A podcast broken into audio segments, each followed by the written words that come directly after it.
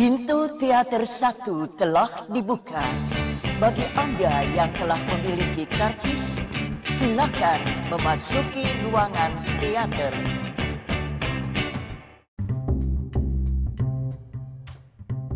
Baik lagi sama Mustafa di podcast Habis Nonton Film Eh, Kali ini eh, cukup spesial Cie, nggak cukup spesial sih, cukup berbeda lah Cukup berbeda karena gue nggak ngebahas soal film Tapi gue akan ngebahas soal satu serial yang baru aja gue tonton di Netflix. Berjudul The Naked The Naked Director. Eh, Sebuah film semi porno Sebuah serial. Enggak sih. Enggak semi porno lah. Eh ini aja unrated aja. Anjing unrated tuh buat orang-orang yang uh, unrated tuh simbol ini ya simbol simbol uh, film bokep yang pada zamannya gitu. Iya nggak sih tau gak lo ya kalau misalnya lo ke toko-toko atau uh, pengecer-pengecer DVD bajakan gitu ya setiap lihat cover fi- cover film gitu ya terus ada stempel unrated gitu itu udah pasti isinya kayak bokep gitu kan sih? Aduh, oh ya eh, episode ini gue akan ngomong secara eksplisit ya. Eh, banyak bahasa yang tidak aman untuk didengarkan gitu secara beramai-ramai karena sedikit terbuka jadi eh, please open your mind up Eh, ah, ya apa yang gue omongin ini ya ya cuk cuk hanya untuk didengarkan oleh orang-orang dewasa gitu ya. Buat lo yang 17 tahun ke bawah gitu ya. Enggak sih nggak ada. Eh, nggak perlu lagi ya umurnya. Kalau udah paham seks ya udah paham aja gitu. Nah eh, baik lagi tadi ke unrated ya. Eh, unrated itu adalah sebuah simbol yang menandakan bahwa sebuah film atau serial yang dijual di pengecer-pengecer DVD gitu ya tukang-tukang DVD itu isinya bokep-bokepan gitu. Meskipun nggak bokep gitu bukan saya nggak bokep secara keseluruhan. Tau enggak gue mau balik lagi gue mau ini lagi sih r- flashback lagi. Anjing gue kenapa balik lagi nih?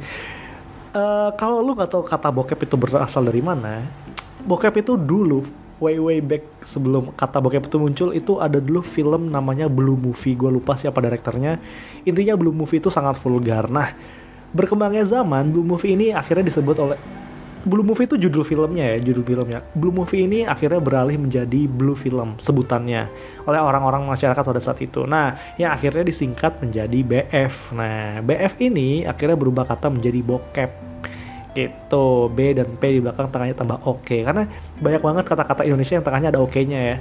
Huruf O dan K gitu ya, nyokap dari eh dari bokap dari bapak gitu, gitu deh banyak. Gue sempat baca tweetnya Rian Andriandi tentang itu dan gue cukup cukup eh, terkesima ya tentang orang Indonesia yang suka banget mencikat kata-kata atau menciptakan kata-kata baru yang yang unik gitu. Nah, eh, The Naked Director. The Naked Director ini sebuah serial dari Jepang, eh, diangkat dari kisah nyata yang disutradarai oleh Masaharu Take dengan pemeran utama Takayuki Yamada. Kalau lu kurang familiar dengan namanya, tapi lu tahu karakternya, itu dia yang main sebagai Serizawa di serial kok serial sih? Di film uh, Crow Zero ya. Satu dua dan satu dan dua? Yang tiga kayaknya nggak ya? Nggak ada lagi? Oke Serizawa yang main Serizawa. Eh, juga diperankan oleh Shinosuke Mitsushima sebagai Toshi. Satu salah satu karakter yang paling gue suka di serial ini adalah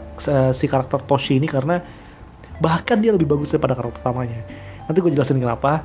Terus ada Misato Morita sebagai Megumi. Nah eh The Naked Director ini menceritakan tentang seorang lelaki eh beristri dan mempunyai dua anak yang pekerjaannya sebagai sales ya, sales sebuah ensiklopedia bahasa Inggris di tahun 1980. eh dia yang seperti robot orang Jepang yang otomatis gitu kerjanya kayaknya bosan gitu dengan kerjaannya setiap hari ngejualin eh, apa ensiklopedianya itu ke orang-orang gitu dia dia buk- di- bahkan dia kayaknya tidak berhasrat untuk berjualan gitu padahal pekerjaannya sales marketing gitu menjual nah sehari harinya dia ngabisin waktu main game di tempat game gitu ya sampai akhirnya ketika dia di kantor dia ditegur dan dia ditegur karena kok lu nggak perform sih? Yang lain-lainnya tuh perform. Eh, terus si si Mo, Muranishi ini ber, mengelak dengan bilang enggak ini karena resesi gitu karena ekonomi gitu. Nah akhirnya si Muranishi dilatih oleh salah satu orang uh, untuk berjualan dengan benar gitu ya dan ini salah satu episode menarik episode awal yang menarik karena bisa mengikat gue dengan dengan keunikan uh, profesi dan cara hal-hal yang bisa lu pelajarin gitu. Kayak lu nonton uh, apa ya The Wolf of Wall Street gitu. Gimana lu bisa harus bisa menjual sebuah pulpen ke orang meskipun orang itu nggak mau. Nah ini ada ada hal-hal yang kayak gitu juga yang lu bisa pelajari di Naked Director ini uh, itu sampai akhirnya si si Muranishi ini ahli ber, menjual dan ternyata dia memiliki permasalahan dengan istrinya gitu ya. Ternyata istrinya selama ini nggak pernah puas soal seksual soal seks uh, dengan si Muranishi itu. Katanya dia nggak pernah nggak pernah orgasm nggak pernah orgasme selama berhubungan seks gitu. Padahal udah punya dua anak gitu. Dan si istrinya ini selingkuh akhirnya kehidupannya Muradisi berantakan. Muradisi ketemu dengan Toshi uh, karakter pendukung gitu ya supporting aktornya. Dan di situlah bermulanya kenapa dia akhirnya menjadi sutradara film bokep tersohor di Jepang gitu. Dia merevolusi industri bokep di Jepang gitulah nah uh, secara keseluruhan ya sebelum gue bahas terlalu dalam ini adalah serial yang menarik secara ide berani uh, apa ya unik lah maksud gue oke okay, kita pernah gue pernah nonton serial yang isinya ngebahas tentang lawyer di Suits. Uh, tentang superhero dengan kekuatan aneh yang datang secara tiba-tiba di uh, apa tuh serial Inggris gue lupa namanya. Uh, anjing apa sih namanya. Itu Game of Thrones Breaking Bad. Banyak rata-rata itu ada hubungannya dengan profesi nah ini nggak pernah diangkat nih soal sutradara film bokep. Ada yang pernah ngangkat ini tapi belum jadi serial. Itu dulu dari Hook. Hook itu pernah bikin kompetisi uh, pilot gitu ya. Dan yang menang itu orang India judulnya Bak BHAK itu tentang sekumpulan anak muda yang berusaha menjadi filmmaker gitu dengan di India gitu. Nah, salah satu dari tiga orang anak ini itu kerjaannya kameramen video bokep. Nah, itu doang tuh yang hampir mirip-mirip dengan ini dan itu lucu banget sih Bak itu. Cari deh di hook gratis kok. Judulnya Bak BHAK, satu pilot yang menarik banget. Nah, baik lagi ke uh, tadi Muranishi udah sama Tosi bermula di sana dia bikin uh, video bokep terus uh, gue secara keseluruhan uh, pertama apa ya seneng karena ada tema unik seperti ini gitu ya dijadikan serial pula gitu uh, tentang dan diangkat dari kisah nyata pula gitu ya. uh, padahal di Netflix ada juga yang lain ada Roko ada oh banyak deh uh, oh banyak deh yang isinya tentang video porno video maksudnya uh, peng, pegiat porno gitu tapi rata-rata dokumenter gitu yang yang dibikin lagi secara drama gitu tapi diangkat dari kisah nyata tuh jarang. Nah ini menarik banget gitu. Gue nonton episode pertama dua tiga larut banget tapi di ke belakang ke belakangnya udah tidak seseru yang pertama gitu. Padahal ini film ini padahal serial ini akan dijadikan eh, akan ada sequelnya gitu dan itu udah dikonfirm ya. Gue nonton kira-kira nih kira-kira kalau gue secara pribadi setengah atau hampir 3 per 4 ketika serial ini uh, episodenya gitu ya itu menarik tapi ke belakang ke belakangnya udah dragging. Menurut gue menurut gue tidak seseru lagi nih awal-awal. Uh, gue akan bahas spoiler aja di sini. Kalau misalnya lu nggak mau denger spoiler atau kira-kira lu nggak akan nonton tapi lu mau uh, lu nggak akan nonton tapi tidak masalah dengan spoiler ya monggo deh dengerin tapi kalau lu mau menghindari spoiler boleh dihentiin. Nah gue akan lanjutin. Uh, si Muranishi ini akhirnya ketemu dengan Toshi seorang sahabatnya yang memperkenalkan dia ke dalam dunia lain yang bernama hasrat seksual gitu. Nah si Toshi ini akhirnya menjual uh, mengajak Muranishi untuk melihat-lihat bagaimana ada ada ada sisi lain tentang tentang apa tentang seksual yang lu belum eksploitasi secara bisnis nih gitu. Akhirnya Muranishi mengang, uh, mulai dengan majalah membuat majalah majalah porno apa namanya ya? Uh, apa sih nama istilah Jepangnya gitu? Gue lupa. Uh, tapi itu menarik banget. Itu itu justru malah pembuatan uh, apa pembuatan majalahnya tuh lebih menarik daripada proses pembuatan video bokep yang di akhir-akhir di belakang gitu. Gue suka ketika proses peralihan da dari si Muranishi ini membuat majalah uh, sampai akhirnya jadi video gitu di awal-awal dia berkembang di video dan konfliknya cukup tajam karena ada hubungan antara kekuasaan uh, secara monopoli oleh salah satu pelaku bisnis uh, bokep ini dan uh, kepolisian gitu nah uh, menarik tapi ya itu loh tadi dragging di belakang dan karakter si Muranishi ini yang diperankan sama Takayuki Yamada ini justru malah gue lebih suka si karakter Toshi ini yang dimainin sama siapa? Mitsushima ini gitu. Karena gue suka karakternya tuh berkembang dan karakternya dikasih masalah yang dia yang akan yang menyelesaikan. Sedangkan si karakter utamanya punya masalah tapi bukan dia yang menyelesaikan. Teman-temannya yang menyelesaikan. Itu si Toshi ini yang di mana membuat gue kalau karakter utama buat gue merasa ya kalau karakter utama punya masalah harusnya dialah yang menyelesaikan masalahnya bukan karakter-karakter lain atau uh, let's say dunia secara otomatis yang bekerja gitu. Gue kurang suka dengan cerita kayak gitu. Gue suka kalau misalnya karakter dikasih masalah dialah yang berjuang dia yang menentukan hidup dan matinya gitu bukan orang lain. Gitu. Karena pada akhirnya gue akan empati dengan orang yang menyelamatkannya bukan dengan si karakter utamanya kak. Gitu sih uh, terus uh, itu soal filmnya. Terus gue mau ngomongin soal betapa uh, apa ya menariknya kisah perbokepan di Jepang gitu ya. Uh, yang yang gue baru tahu juga setelah gue nonton gitu. Ternyata gue selama ini berpikir kenapa Jepang itu selalu menutup vagina atau penis dari uh, pelaku video bokep itu. Uh, apakah apakah maksud gue gini uh, kalau uh, kalau ada kalau kalau video bokep itu kalau film porno itu diturunkan atau di apa dijual dengan tujuan membuat orang uh, merasa apa sih uh, nafsu atau memberikan kepuasan secara fantasi gitu kenapa bagian itu malah ditutup gitu itu kan bertentangan dengan dengan tujuannya gitu ya. Kayak lu kayak lu pengen uh, kayak apa ya? Kalau lu pengen jual makanan gitu ya tapi orang nggak boleh nyicip gitu. Kan nggak nggak kayak gitu kan? Kalau orang yang sama sama sama dengan halnya ini gitu.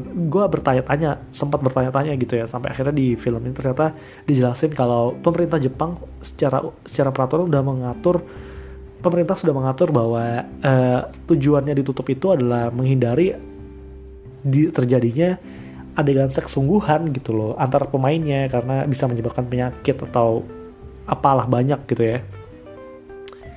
Uh, yang cukup make sense untuk gue gitu.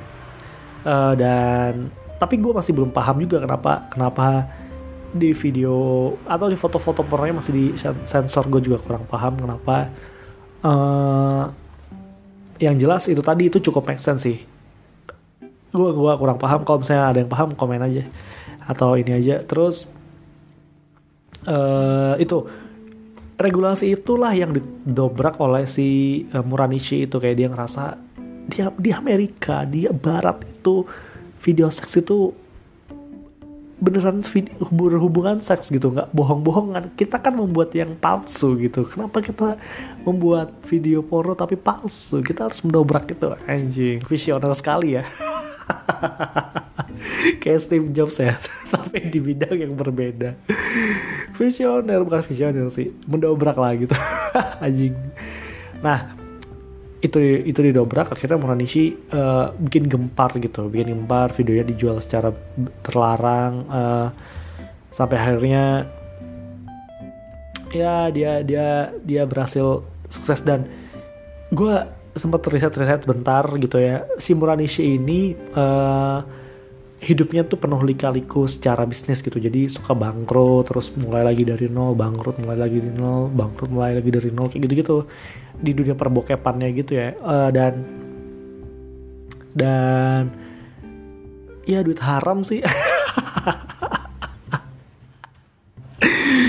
Anjing kenapa gue jadi ngejudge gini? Enggak lah. Ya di Jepang juga gak percaya agama kan. Jadi ya nggak apa-apa lah ya. Ya lakukan yang mereka suka aja gitu. Uh, terus si Muranishi ini ngaku kalau dia experience uh, 7000 gue nggak paham itu maksudnya berpengalaman experience 7000 women kalau nggak salah ya. Uh, maksudnya berpengalaman uh, menyetubuhi 7000 cewek atau maksudnya syuting dengan 7000 cewek. Gue kurang kurang paham juga sih maksudnya apa ya. Apa ya kira-kira ya maksudnya? Uh, Gak ngerti ya, gue juga ngerti maksudnya. Ya mungkin mungkin mungkin itu, mungkin mungkin berhubungan seks dengan tujuh ribu orang, tapi banyak banget tujuh ribu orang main kalau nggak kena AIDS mah bodoh banget, bohong banget ya pasti dia karena penyakit kelamin kali. Segitu, nah, uh, ntar si oh, tujuh ribu cewek dan mem, telah memproduksi tiga ribu video dewasa. Wow, wow, wow, wow, wow, wow, wow, wow. Gila ya sampai bosan kali ya. Bo gue ngerasa bosan kali si Muranishi ini kalau di dia nyatanya tapi tahu apa namanya juga bisnis gitu ya. Lu jualan bakso juga lu pasti bosan makan bakso kan? Ya gitu juga gitu. Kalau misalnya lu ngerasa anjing keren banget ya kerjaan video bokep. Enggak men. Kalau lu udah masuk di dunia itu lu pasti bosan juga. Gue yakin deh kok lu nih ya punya istri gal gadot aja gue rasa nafsunya cuma bertahan bentar gitu. Lama-lama biasa aja gitu kayak lu, lu dikasih pizza tiap hari juga tekan pasti pengen juga batagor gitu kayak iya sih? Ya kan? Ya gitu lah. Itu juga sama yang terjadi di dunia perbisnisan itu gue rasa dia sudah tidak tidak berhasrat lagi dengan hal-hal kayak gitu ya.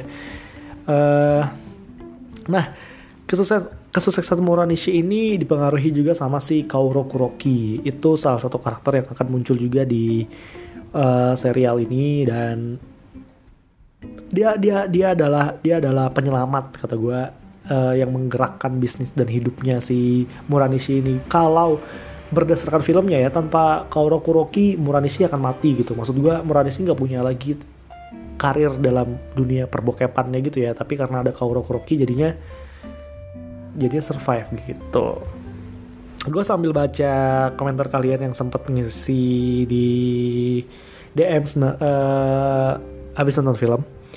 Uh, yang pertama dari Nasfa Ahmadi baru nyadar kalau aktor utamanya Serizawa. Ya itu yang tadi gue bilang. Terus dari Fatnop 66 awalnya menarik lama kelamaan bosenin. Lebih menarik proses pas buat majalahnya. Setuju. Setuju banget Terus dari podcast Duo Dami, secara cerita bagus bisa bawa kita kehidupan akting sutradara dan industri awal industri awal Jav acting mantap anjing ya mancing mania ya mantap. Terus dari Brina, sutradaranya kayak Roger dan Marta. Aduh, Roger dan Marta. Aduh. wah gue mau pengen ngejok soal Roger Danwar tapi ntar gue takut dicekal aja dah terus dari Mas Adi Siswanto. Oh, inspiratif anjing inspiratif. Emang si Muranishi ini tuh kayak Steve Jobs gitu. Ini tuh The Naked Director ini kayak Steve Jobs versi serial gitu loh. Steve Jobs revolusioner gitu tanpa adanya tanpa adanya Muranishi ini mungkin dunia Jeff tidak akan seperti sekarang gitu ya. Kita harus berterima kasih gitu dan gue uh, gue yakin banyak banget orang yang nonton dekat director terus um, coli gitu ya karena hasrat seksualnya terbangun gitu ya. Tapi uh, consider yourself ya. Tidak baik melakukan masturbasi sehari berlebihan lebih dari satu kali ya. Itu secara kesehatan juga penting lo pelajarin. Uh, jangan jangan terlalu sering juga. Uh, meskipun bagus untuk mengurangi peluang adanya kanker prostat gitu ya. Tapi jangan sering-sering masturbasi. Uh, ya ya ya. Lu yang tahu gimana badan lu ya.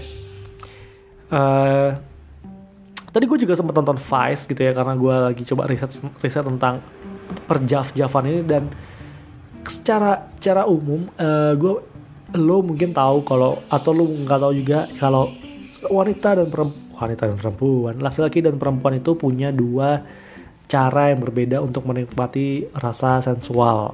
Kalau uh, daya tarik itu ya dari tarik. Kalau laki-laki itu secara visual berarti indranya mata. Kalau perempuan itu sentuhan berarti indranya uh, peraba atau kulit. Nah, uh, itu kenapa bisnis uh, video porno itu tidak berlaku untuk perempuan karena perempuan pada dasarnya tidak akan menyukai itu karena secara visual dia tidak menarik gitu. Uh, tidak secara fantasi mereka tidak bergerak karena otaknya pun diciptakan untuk uh, berbeda gitu ya. Dan itu kenapa tidak ada uh, ah, bukan tidak ada pasarnya itu bukan ditujukan untuk perempuan tapi untuk laki-laki. Nah perempuan itu lebih kesentuhan dan ya kalau lo tahu sentuhan ya that's how you nail it. Yeah, that's how you nail it. Uh, gitulah makanya bisnisnya untuk laki-laki. Nah gue tadi sempat nonton Vice dan ada video di Vice yang ngebahas tentang salah satu produsen video porno yang ditujukan untuk perempuan dan di situ ada lebih ke sex educationnya banyak hal lah. Tapi mereka mengambil sudut pandang perempuan dan gimana caranya perempuan bisa menyukai video porno gitu. Ya menarik tapi video pendek nggak bisa menggali lebih dalam. Gue juga nggak tahu apa sebenarnya caranya atau atau bagian apa yang membedakan tuh nggak sempat terbahas secara dalam. Tapi ya menarik kalau misalnya uh, pada akhirnya harus diakui bahwa wanita menjadi objek gitu ya di industri ini. Dan untuk orang-orang yang rasa kesetaraan gender ini tidak baik gitu ya. Tapi ya ya itu tadi laki-laki itu uh, dikasih makan lewat mata gitu. Sedangkan perempuan lewat sentuhan. Dan ya bisnis ini tidak bisa berlaku sebaliknya gitu. Kalau laki-laki dijadikan objek wanita nggak akan makan karena secara visual dia tidak akan tertarik gitu. Karena otaknya pun diciptakannya berbeda-beda gitu wanita dan laki-laki gitu ya. Gitu sih. Uh, kalau lu tanya apakah gue harus merekomendasikan kalian nonton film The Naked uh, serial The Naked Director nontonlah. Tapi jangan nonton di tempat yang umum nontonlah sendirian pakai headset terus uh, Iya, jangan jangan mengarahkan kalian untuk melakukan tindakan-tindakan pelecehan seksual aja. Intinya sadarin diri kalian gitu ya, nonton dengan pikiran terbuka gitu. Kalau ada adegan-adegan seks jangan diresapi terlalu dalam gitu ya. Anggaplah itu bagian dari cerita gitu ya. Uh, kalau lo pengen yang lebih bagus ya nonton film bokep aja, jangan nonton ini gitu. Kalau lo ngejar itunya doang gitu ya. Tapi pahamin ceritanya, pahamin sejarahnya. Banyak hal yang bisa di bisa ditangkap lah. Gue sih lebih suka ke cara marketing dan visionaris visionarisnya itu si si Muranishi ini gimana dia melihat bisnis dari kacamata dia dan peluang-peluang bisnis yang bisa lo tangkap eh, yang yang lo bisa lo lihat terus lo tangkap dan lo eksekusi dengan cara yang baik nah itu Muranishi itu bisa ngajarin di sana gitu meskipun caranya salah gitu ya. caranya dengan video bokep film bokep gitu ya. dia menjual hasrat lah karena uh, seks itu ber, bernilai atau apa gitu. Ada satu quote bagus gitu seks itu punya harga atau seks itu apa gitu. Dan ya kemakan banget lah.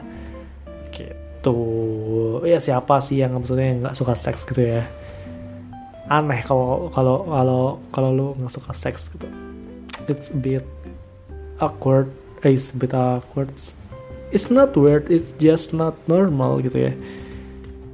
Gitu sih apalagi ya? Uh, nggak banyak lagi yang bisa gue omongin tentang Decade Director ini. Ekspektasi gue untuk season 2 nya berharap gue jauh lebih bagus lagi secara penceritaan dan konflik-konfliknya gitu ya. Kayak Narcos gitu kayak Narcos. Itu kan bagus banget tuh. Satu duanya bagus banget. Yang ketiga gue belum nonton. Tapi penggalian karakternya di setiap seasonnya tuh bagus. Dan gue berharap juga di Naked Director ini kayak gini. Pesan gue nonton di tempat yang sepi nonton sendirian. Jangan jangan nonton rame-rame eh, jangan nonton di tempat yang rame jangan nonton di kantor jangan pakai layar yang besar di kantor. Itu aja untuk episode kali ini. Sampai jumpa di episode selanjutnya. Dadah